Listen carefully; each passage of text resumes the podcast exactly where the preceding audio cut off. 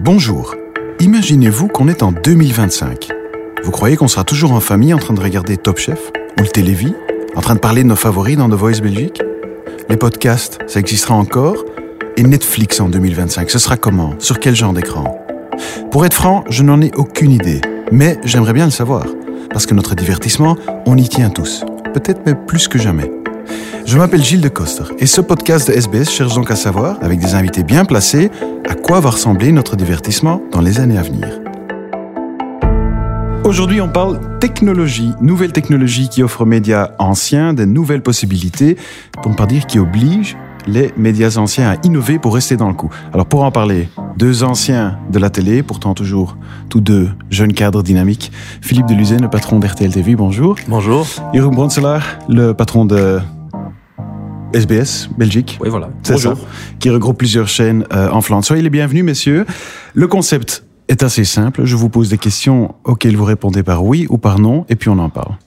Ça marche? Parfait. Parfait. Alors, la première. En 2025, RTL ne sera plus une chaîne sur ma télé, mais une application sur mon smartphone. Oui ou non, monsieur Delusine? Oui et non. Ce Ah, il faut choisir. Mais ce sera toujours une télévision. Je crois que le linéaire. Vous pouvez expliquer après, vous pouvez me dire, pouvez me dire Alors, oui et non? Oui, oui, ce sera toujours une télévision. D'accord. Euh, Qu'est-ce que ce sera pour Playvir? Est-ce que ce sera une application sur mon téléphone ou une chaîne sur ma télé? Chaîne sur la télé. D'accord. Euh, Est-ce que vos enfants regardent L'amour est dans le pré? Non. Non. Non. Ça, j'imagine que vos enfants ne regardent pas L'amour est dans le pré, mais est-ce qu'ils regardent par exemple The Mole de Slim Simmons? Euh, de Mol, oui. Oui, d'accord. Mais en 2000 2025, hein, Oui, euh, de Mol encore, oui. d'accord. Si je peux être précis, il faut demander l'âge des enfants. hein. Oui, ça c'est vrai. C'est vrai. Ils ont quel âge les vôtres? 36, 34. Hein, donc. 36, 34. Voilà. ouais. Et vous, 14. C'est un peu plus jeune. voilà. Euh, Est-ce que vous avez un compte TikTok, monsieur Delusine? Non. Non. Non. Non plus. Dans cinq ans, est-ce que mon voisin verra-t-il la même pub que moi à la télé alors qu'on regarde le même programme? Non. Non. Et finalement, en 2025, un programme comme par exemple Top Chef euh, ou de Slim Stomens n'aura plus aucune chance s'il n'est pas agrémenté de produits dérivés, donc une, une- un contenu complé- complémentaire, euh, une, une réalité augmentée ou des applications similaires. Oui ou non? Oui. Il faudra tout, tout agrémenter. Tout. Jeroen, vous êtes d'accord? Oui. Alors, la première question, c'est de l'usine, vous m'aviez répondu par oui ou- et non. C'est-à-dire que vous avez déjà euh, euh, répondu de façon un peu plus, euh, plus nuancée. Donc la question était, euh, est-ce que ce sera juste une chaîne télé ou est-ce que ce sera surtout une application sur mon smartphone qui sera le hub de tout ce qui est divertissement dans ma vie en 2025 Mais ce sera les deux, parce qu'en fait, euh, on parle de technologie et je pense qu'elle est importante, la technologie aujourd'hui, de plus en plus, et son développement va être encore plus exponentiel que ce qu'on vit encore aujourd'hui. Donc, c'est une certitude. Par contre, il ne faut pas enterrer la télévision linéaire, la télévision qu'on regarde encore à la maison, à une heure fixe, parce que d'abord, il y a des publics qui vieillissent, Mhm. c'est une première chose, et qui resteront toujours des publics dans cinq ans encore, qui seront assidus devant la télévision, peut-être pas forcément toujours devant l'objet sacralisé au milieu du salon comme par le passé, mais il faut tenir compte de Mais ça, plusieurs- vous, vous, êtes- vous en êtes convaincu J'en suis convaincu. Dans cinq ans, il y aura encore la télévision linéaire. Alors, plus avec la puissance qu'elle a aujourd'hui, ni la couverture qu'elle a aujourd'hui, mais elle existera toujours. Ça, j'en suis convaincu. Pour deux raisons. La première, c'est que la, techno- la technologie nous a beaucoup aidé à ce niveau-là. Souvenez-vous euh, que nous avons depuis maintenant 8 ou 9 ans des écrans ultra plats, d'une qualité exceptionnelle, accessible au niveau financier pour 800 euros, 600 euros, 1000 euros, de superbes écrans, avec une sonorité extraordinaire. Oui. Donc ça a remplacé la télévision qui était l'objet traditionnel, le grand meuble auquel, autour duquel on construisait le salon dans une maison traditionnelle. Première chose. La deuxième chose, il faut pas négliger, je vous ai fait la confidence d'avoir des enfants de 34 et 36 ans, c'est que mes enfants, quand ils avaient 16 ans, donc il y a quand même déjà longtemps, il y a 20 ans, ne regardaient pas la télévision. Quand on se marie, quand on a des enfants, qu'on ne barre pas tous les soirs de chez soi, qu'on reste à la maison parce qu'on a besoin d'une babysitter ou d'un enfant, on retrouve des patterns de comportements sociaux qui ressemblent à ceux des plus anciens. La télévision redevient une compagne de- soirée, une compagne du domicile, à une différence près, c'est qu'on n'est plus toute la famille devant le même écran au même moment en dans la lumière, c'est que maintenant on a plusieurs écrans à la maison, deux, trois écrans différents, que monsieur regarde un programme, madame un autre programme, peut-être en, en play, en, en rediffusion, en- en- en vision différée, mais la télévision restera quand même encore un moment de rendez-vous qui sera important. Alors, est-ce qu'on gardera une couverture de 80-85% sur les gens? Je ne le pense pas. Est-ce que les gens regarderont la télévision différemment? En tout cas, est-ce que des formats en télévision seront déclinés sur d'autres items de façon différente C'est une certitude. Mais par exemple, très concrètement, est-ce qu'il y aura Oui. toujours un 71 à 18h30 Je crois. en Access to Prime Vraiment. Dans Ouais. cinq ans, je crois vraiment qu'il y a toujours un C'est ça. 71. J'en suis Parce que convaincu. ça, il y en a, il y en a plein qui, qui doutent, hein, qui. Oui, euh, absolument. ouais. Bien sûr, bien sûr, bien sûr. Mais, mais on on en parlera, hein, on a le temps d'en parler. Mais il ne faut pas oublier une chose fondamentale, c'est que euh, la technologie ne remplace pas la télévision, elle est au service de la télévision. Et nous sommes essentiellement des gens qui faisons du contenu. On offre de l'information, du divertissement, Donc on la offre plateforme, pour choses. vous, Et, et la, et plateforme n'est pas tellement importante. Elle va se compléter par des tas d'autres nouvelles plateformes, c'est déjà le cas aujourd'hui, Ouais. mais la base même, la linéaire, ne disparaîtra pas aussi vite qu'on le dit. au niveau contenu. Parce que moi, je, moi, je réagis, euh, je suis malheureusement plus si jeune, mais je me dis, mon hub de divertissement, c'est mon smartphone. C'est pas ma télé qui, comme vous dites, ne prend plus euh, la place sacrale dans mon salon. Je- moi, tout démarre à partir de mon smartphone. Pourquoi pas tout investir là-dedans? Euh, oui, mais ça, ça dépend un peu. C'est une question de définition, je pense aussi. Je, je suis tout à fait d'accord. Pour moi, si tu si tu parlais de télévision, Gilles, c'est un peu aussi télévision. C'est pour moi le moment qu'on regarde ensemble, qu'il y a un, un- un sens de commune. Euh, de Communauté. communauté, ouais, vraiment. Et euh, quand tu parlais de le hub smartphone, c'est l'individualisation du contenu. hein. Et je suis tout à fait convaincu que cette cette euh, cette volonté, cette, ce besoin de, de, de, de, partager du contenu, des histoires, de vivre tout ça ensemble, ça va rester. Et ça va être peut-être pas 80%, mais peut-être 50, 60%. Euh, Parce que ça, ça va à l'encontre de l'ultra-individualisation qu'on voit un peu partout, hein, ce que vous dites. Euh, alors oui, euh, l'individualisation, ça se fait, mais ça se fait pas à 100%. Et, pour personne, je pense. J'ai des enfants très jeunes. Hein. Euh, j'ai pas d'account TikTok, mais ma fille a un account TikTok et elle l'utilise à plein, je dois dire. Euh, mais même elle, elle, parfois, et, même pas parfois, hein, que- quelques fois par semaine, on se, on se rencontre dans, le, dans le living, devant la télé, et, on regarde. Il y a deux molles, il y a des autres, The Voice Kids, The Masked, euh, The Masked Singer. Euh, et je, Donc il y a des moments de rendez-vous où c'est quand même quelque chose de commun. oui, et ça va rester le commun. J'aimerais sur la seconde question à laquelle vous avez tous les deux déjà un peu répondu. Est-ce que vos enfants regardent les programmes à succès de, de vos chaînes? Alors, vos enfants, ironisons, entre quel âge et quel âge? Alors, ma fille a 10 ans et mes, mes deux, deux, deux fils, c'est 12 et 14 ans. C'est ça. Et je vous ai posé une question. Est-ce qu'ils regardent, par exemple, The Mole? Oui. Donc ça, ça reste un moment familial chez vous. Oui, et c'est c'est un programme événementiel. Il y a beaucoup, il y a l'histoire, l'attention, et Ouais. là je vois que il- on se retrouve devant la télé et c'est ça marche comme ça. C'est aussi un programme de famille euh, très typique. hein. C'est très généraliste. C'est conçu pour. Hein c'est pour, pour, en effet, pouvoir en parler pour la famille, mais aussi c'est très, c'est très bien fait. Et on a l'app et on a l'internet et il se, il, il y a mon fils de 14 ans qui euh, s'occupe de, de rechercher. Et c'est, ah, il y a quelque chose qui s'est passé. Voilà, c'était très suspect. Je pense que c'est ci, je pense que c'est ça. Et, et on, et, on, et on a ce débat ensemble devant la télé. Euh, et ça va rester. Je suis, je suis tout à fait confiant. Est-ce qu'il vous arrive de leur dire, mais euh, mets ton téléphone autre part, on regarde la télé Parce que souvent, ils regardent un œil glué sur le smartphone, l'autre euh, sur l'écran. euh, Pour être honnête, je pense que je ne le dis pas euh, assez souvent. Euh, en fait, je ne le dis pas. Je, je, le- je leur laisse décider. Ouais. Euh, euh, je le dis quand on va à table, pour être Oui, honnête. ça, Ouais. ça, ça, je peux Mais si on ouais. regarde parce que pour moi, c'est intéressant de voir est-ce qu'ils sont intéressés, assez intéressés pour regarder la télé et pas pour Oui. euh, euh, re- pour se mettre avec nous, parce que ok, ça se passe aussi beaucoup que ma femme et moi, on est en train de regarder la télé et il y a les, les deux autres, les trois enfants qui sont autour de nous hein, et qui re- regardent autre chose. Euh, mais pour des programmes comme The Mole, comme euh, comme j'ai regardé The Masked Singer, même The Ouais. Slimste Mens, hein, pour Ouais. mon fils de, de 14 années, je vois qu'il qu'il dépose le smartphone, pas de problème. Ça, ça doit vous faire plaisir, ça. Euh, ça m'a fait Ah un ouais. plaisir énorme. Ouais, ouais. Philippe de l'usine, vos enfants sont évidemment un peu plus âgés, ils ont, Ouais. ils ont la trentaine. Euh, vous, vous, vous apprenez quelque chose quand vous leur demandez leur habitude de, Ce qui est en télévision? Ce qui est intéressant chez moi, c'est que j'ai des enfants tout à fait différents. Mon fils s'est marié il y a cinq ans et est parent depuis trois ans euh, d'un petit enfant et d'une petite fille depuis un an. Et donc j'ai remarqué chez lui le retour à la télévision ou la découverte de la télévision depuis qu'il est père. Donc ça c'est une, une nouveauté. Il a un terrible grand écran chez lui, plus grand que le mien d'ailleurs, ça me rend très jaloux. et, euh, et il regarde la télévision le soir, effectivement, il l'allume, mais il fait d'autres choses en même temps. C'est ça. Et il travaille avec son ordinateur, il fait des choses. un mais compagnon en elle, elle est compagne. Ma fille, c'est différent. Elle, elle vit à New York depuis 8 ans et demi ou 9 ans. Elle a un grand écran. Le grand écran, ce n'est que Netflix. Et tout ce qui est télévision, c'est son ordinateur. Donc, elle n'a qu'un abonnement Netflix sur son grand écran qui est accroché au mur, et c'est sur son ordinateur qu'elle regarde la télévision, les infos d'Europe et des choses comme ça. Ça vous apprend quoi, ça? Mais ça m'apprend que ce sont des comportements tout à fait différents, et qu'à New York, ça semble déjà une espèce de norme, Mhm. que ce qu'on appelle la télévision classique, pour l'appeler la linéaire d'une certaine façon, ben, elle est même pas sur le grand écran. Elle, elle regarde de façon rapide pendant 10 minutes, et quand elle veut regarder la télévision, son écran est plutôt son cinéma.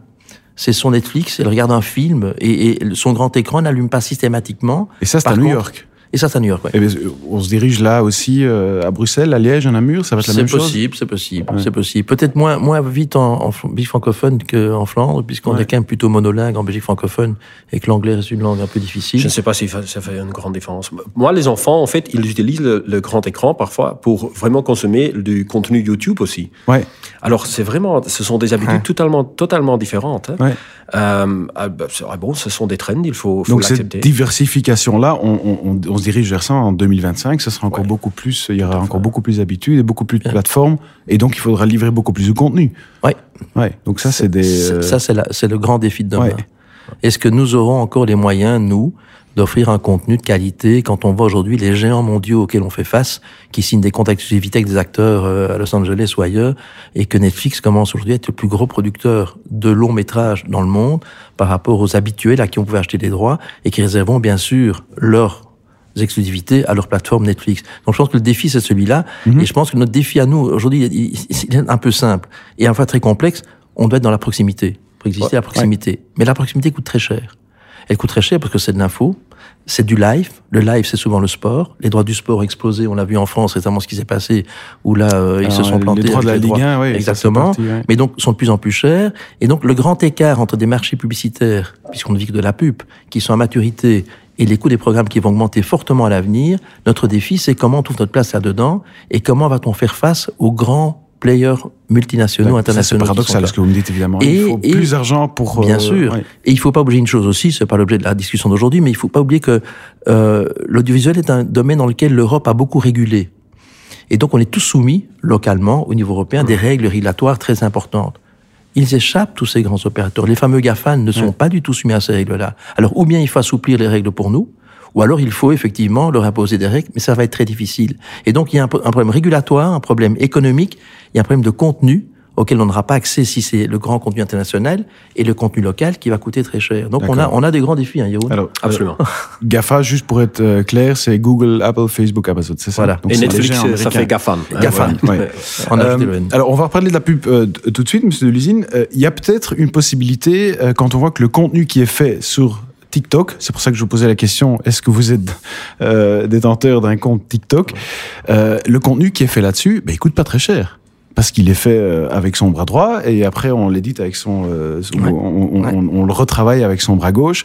Ça c'est pas très cher. Est-ce qu'il y a moyen là de d'aller prendre une, une part de marché et d'aller d'aller euh, avoir une présence sur ces plateformes? On, on est typiquement dans le cas de figure des friend enemies dont on parle beaucoup. On a un exemple très concret chez nous, une émission qui s'appelle Tout s'explique.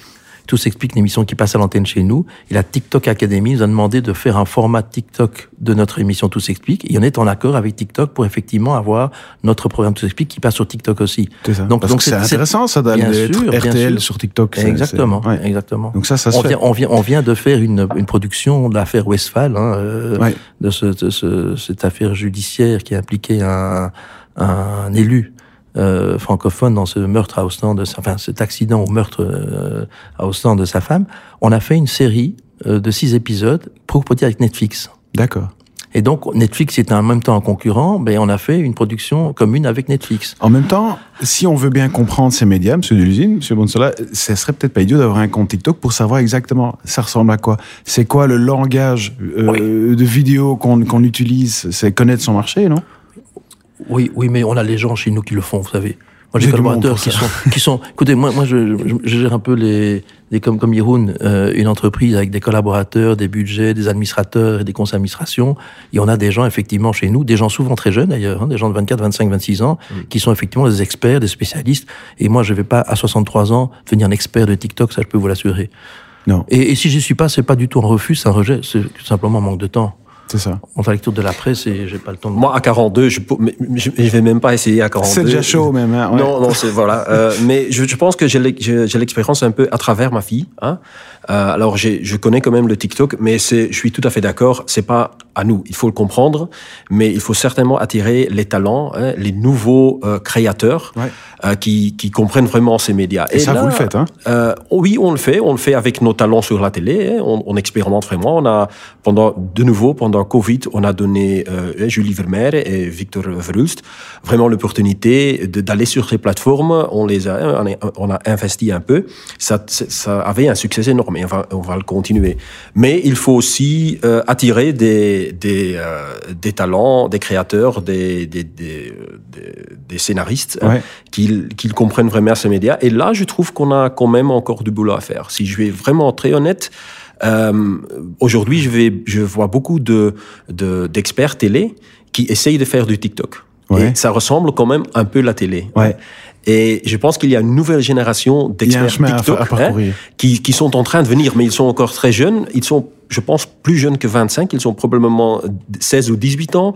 Euh, et voilà, c'est le défi pour nous, ça serait d'attirer ces talents euh, chez SBS ou chez Ouais. RTL ou chez les, les médias locaux et euh, de faire qu'ils ne vont pas immédiatement travailler pour Google ou les autres GAFAN D'accord. hein, au niveau local. Moi, je fais de la télé, donc ça- ce qui m'intéresse, c'est de savoir est-ce que vous craignez une, une baisse de qualité? Parce que faire un- du contenu pour Instagram, pour TikTok, c'est pas très cher. Euh, Les standards sont pas super élevés. Euh, en tout cas, ça coûte beaucoup moins que de faire un épisode d'une série, par exemple, une fiction ou quoi que ce soit. ouais. Est-ce que vous craignez cette baisse de qualité, que, que le standard TikTok devienne le standard? Écoutez, moi je pense qu'on doit s'inspirer de ce qu'ils ont fait et je pense qu'effectivement il y a des moyens et des façons plus légères de faire la télévision, donc moins coûteuses, Ouais. et on doit pouvoir s'en inspirer, c'est une première chose. Maintenant, la télévision c'est beaucoup de choses et c'est notamment aussi l'info. Et moi je vous dis quand même que sur l'info, là il y a quand même des règles, une rigueur, une déontologie, les fameux fake news dont on parle de plus en Ouais. plus, qui font que, ben, vous savez, quand on a un journal le soir, et je pense qu'on essaie d'être les meilleurs et les plus parfaits possibles. On ne l'est pas toujours, on n'est pas toujours infaillible, hélas. Pourtant, on fait tout ce qu'il faut pour l'éviter. Je peux vous dire que l'info, elle est faite par des gens qui sont des pros, qui ont une formation, une déontologie, une éthique, et qui ont des règles de fonctionnement qui font que ce qu'on raconte le soir est en principe croisé, recroisé, et Mhm. correspond à une certaine réalité, pour ne pas dire une vérité des choses. Et que si on baisse la garde, Ce que ça va je- pas durer longtemps. Voilà, exactement. Ouais. Sur, sur votre smartphone, votre téléphone, vous avez des informations, vous ne savez pas d'où elle vient, son Non. origine, qui vous la donne, qui, qui l'a faite, quand on voit les manipulations qui peuvent se faire aujourd'hui. Et donc, je pense que la qualité, oui, est-ce qu'il y a une baisse de qualité? Je pense qu'aujourd'hui, euh, voilà, on peut faire avec des matériels très légers, des, des images de grande qualité, et ça ne pose aucun problème. Par contre, sur le contenu en tant que tel, et ça, je parle spécifiquement de l'info, il faut être excessivement vigilant, et là, il faut pas baisser la garde, et je pense qu'il n'y a pas de concession à pouvoir faire sur ce domaine-là. Et je pense que même pas seulement pour le, le contenu euh, info, en fait. Euh, c'est- je pense, c'est vrai. Euh, le niveau de qualité de production, ça Ouais. peut baisser un peu, mais qualité de l'éditorial, euh, là, ça va, ça va toujours demander des, in- des, des investissements parce que, soyons honnêtes, euh, le, contenu TikTok au- aujourd'hui a, aussi une certaine légèreté. hein. Je peux pas m'i- m'imaginer que une fois que mes enfants vont être 20, 25, 30, 35 ans, et ils ont, ont vécu un peu la vie, que cette légèreté va être la seule chose qu'ils veulent Il expérimenter. faudra quelque chose de plus substantiel. Oui, voilà. Et une fois qu'o- qu'on doit investir dans l'éditorial, de nouveau, c'est là la qualité, c'est l'expertise, c'est les talents qui reviennent dans le jeu. S'il y a un domaine dans lequel la technologie peut aider, c'est évidemment le, le financement de, de tout ce contenu, c'est les pubs. On parle déjà de bien longtemps, euh, depuis bien longtemps, de l'addressable TV. Si moi je regarde un programme, euh, que j'aurai une autre pub que par exemple Jeroen qui regarde le même programme chez lui à la maison, on en est où aujourd'hui là, Philippe Delusine Mais on commence, hein, euh, on a commencé d'ailleurs effectivement à pouvoir cibler la pub. Donc, euh, on est un média de masse. On se dit que finalement la masse n'est qu'une succession de groupes de cibles un peu différents et on peut effectivement aujourd'hui arriver à. Alors c'est un, un peu compliqué parce que techniquement ça n'est plus tellement aujourd'hui. Il faut respecter aussi la règle de confidentialité de la vie privée des gens. Les fameuses règles GDPR auxquelles Oui. on est tous confrontés depuis maintenant un an et demi doivent être respectées. Et donc on essaie de trouver un équilibre entre le respect de la vie privée, la connaissance réelle qu'on a des gens, la consommation, les envies, les sensibilités qu'ils peuvent avoir, et le fait qu'on puisse de façon efficace vendre une pub plus ciblée aux gens qui font que vous êtes jeune, je suis plus vieux, on n'a pas le même centre d'intérêt, mais dans le même programme, ben, il y a une pub qui va s'adresser à vous plus spécifiquement plutôt qu'à moi, et je pense que ça fait partie d'une certaine logique. Parce que là aussi, GAFAN, hein, nos amis américains, ils sont beaucoup, beaucoup plus loin, parce qu'ils savent beaucoup plus de choses sur moi. Et ils s'intéressent beaucoup moins au GDPR que vous. Que, oui, voilà. exactement. Donc, donc c'est très compliqué. Et donc, et donc ce qu'on espère avec cette Addressable TV, c'est qu'effectivement, on va perdre euh, cette audience inutile pour certains annonceurs en donnant une audience qui est vraiment très utile. Ou presque tout est monétisable. Et donc on pourra la, vendre plus cher. Oui, c'est ça. Et Puisque chaque contact, c'est un contact réellement utile, alors que dans un milliard de masse, on sait par définition, mais qu'on a des contacts qui ne sont pas performants. Donc ça, c'est le business model vers lequel on évolue. On va évoluer vers Ou en tout cas au niveau de la télé commerciale dont on parle aujourd'hui. C'est vrai, c'est en 2025 qu'on en sera là, où toutes les pubs seront adressables? Non, peut-être pas toutes, parce qu'il y a aussi le marché qui doit se développer un peu, mais aujourd'hui, par exemple, chez SBS, c'est déjà, je pense qu'à peu près 10% de nos revenus de pub sont adressables. Euh, et on voit que pour la télé, hein, ce sont des, des annonceurs relativement traditionnels ou des campagnes relativement traditionnelles. Ils sont tout à fait euh, prêts à faire les premiers pas, mais est-ce qu'ils vont être prêts à vraiment remplacer 100% du budget à, en 2025 Je pense pas. Pas encore, d'accord. Euh, et aussi, de nouveau, pour certaines campagnes ou pour, mhm. pour certains messages, il, il, il n'y a, pas besoin de cibler. Hein. Il y a, de nouveau, en Covid, on a vu beaucoup de marques qui, en fait, voulaient vraiment raconter une histoire ou, ou envoyer un message au grand public, hein, un, message pour le sociétal au grand public.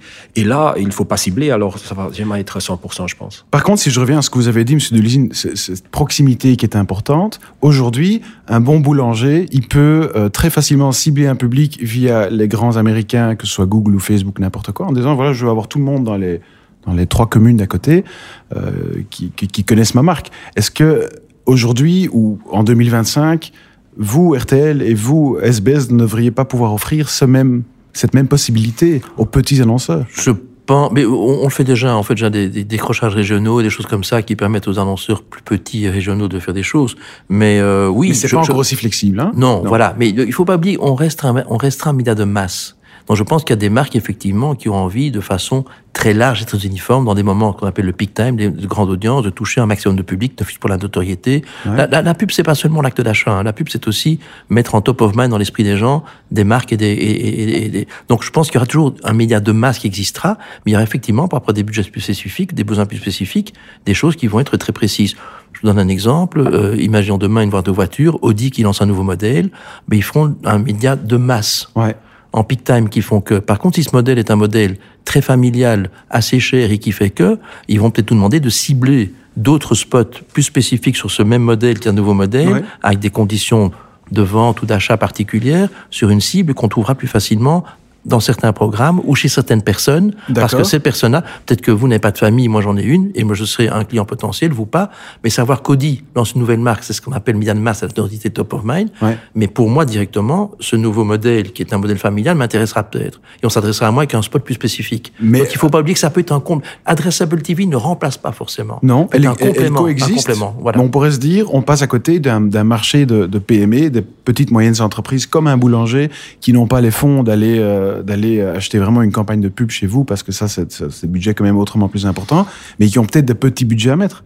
Ça, c'est ça, c'est possible, ça ou pas? Nous, on a tout à fait l'ambition de le faire en 2025. On n'est pas tout à fait là pour le moment euh, parce qu'il y a deux éléments là. Il faut, il, il nous faut la technologie SmartEd pour pour livrer livrer euh, la pub hein, chez les gens euh, ou sur la télé, mais il faut aussi les systèmes et les plateformes qui qui permettent aux petits boulangers de de, de placer ces ordres très facilement. Et, maintenant, aujourd'hui, si si je vais, pour être honnête, si tu veux vraiment euh, euh, placer une ordre chez SBS, c'est pas le petit boulanger parce qu'il te faut une, une, une agency. Hein. Euh, c'est une grande commande, il n'y a pas les prix, mais on est en plein développement des plateformes qui vont permettre ça ouais. et qui vont être aussi facile que les GAFAN, hein, que, comme Google Ads, tu te mets. Euh, ça c'est l'idée, ça c'est. l'idée, ça c'est l'ambition, et c'est pas seulement une idée, c'est l'ambition. On va le, on okay. va, on va en respectant le, le, GDPR, comme on a dit. Euh, bien sûr, bien okay. sûr. Ouais. Alors la dernière question, messieurs, dans cette discussion euh, en matière de technologie, c'est de se demander s'il y a un programme qui est une marque aussi, hein, un gros programme, c'est une marque, ça vous n'êtes pas sans le savoir, euh, peut encore exister en 2025 sans tous les produits dérivés qu'on peut imaginer, sans application smartphone, sans euh, contenu agrémenté euh, ou, en ou, en réalité augmentée. Qu'est-ce que vous en pensez, euh, Philippe Delusine Moi, je suis convaincu que effectivement, on va être de plus en plus cross-platform et qu'une marque va exister de, de plein de façons différentes. On le fait déjà aujourd'hui. Hein. Nous, on fait Par des exemple émissions, des émissions qui sont en télévision, qui passent en radio. D'accord. Alors, vous me dire, c'est un mass média comme la télévision, peut-être. Comme les grosses têtes. Mais euh, ce genre voilà, de mais, ouais. mais on, on, on, on- je crois qu'effectivement, on va avoir. En, en fait, il faut partir d'un point de départ qui est il y a le contenu. Mhm. Et le contenu, avant, il avait une plateforme dédiée qui est la télévision et parfois la radio. Demain, on a un contenu qui va être effectivement sur un smartphone, qui va être sur une tablette, qui va être sur d'autres euh, façons de fonctionner, avec des formats adaptés. C'est important. Ce sera pas le même produit. Mais quand, quand vous y réfléchissez chez RTL, ça peut, ça peut prendre quelle forme? Mais Par vous savez, exemple, pour je- un Top Chef ou un Amour dans le Pré, ça, ça, ça mais, serait mais- quoi? mais je vais vous donner un, un exemple déjà plus précis, hein, euh, ne fût-ce qu'au niveau technologique, puisqu'on parlait de technologie Ouais. tout à l'heure, les images en 16 neuvième.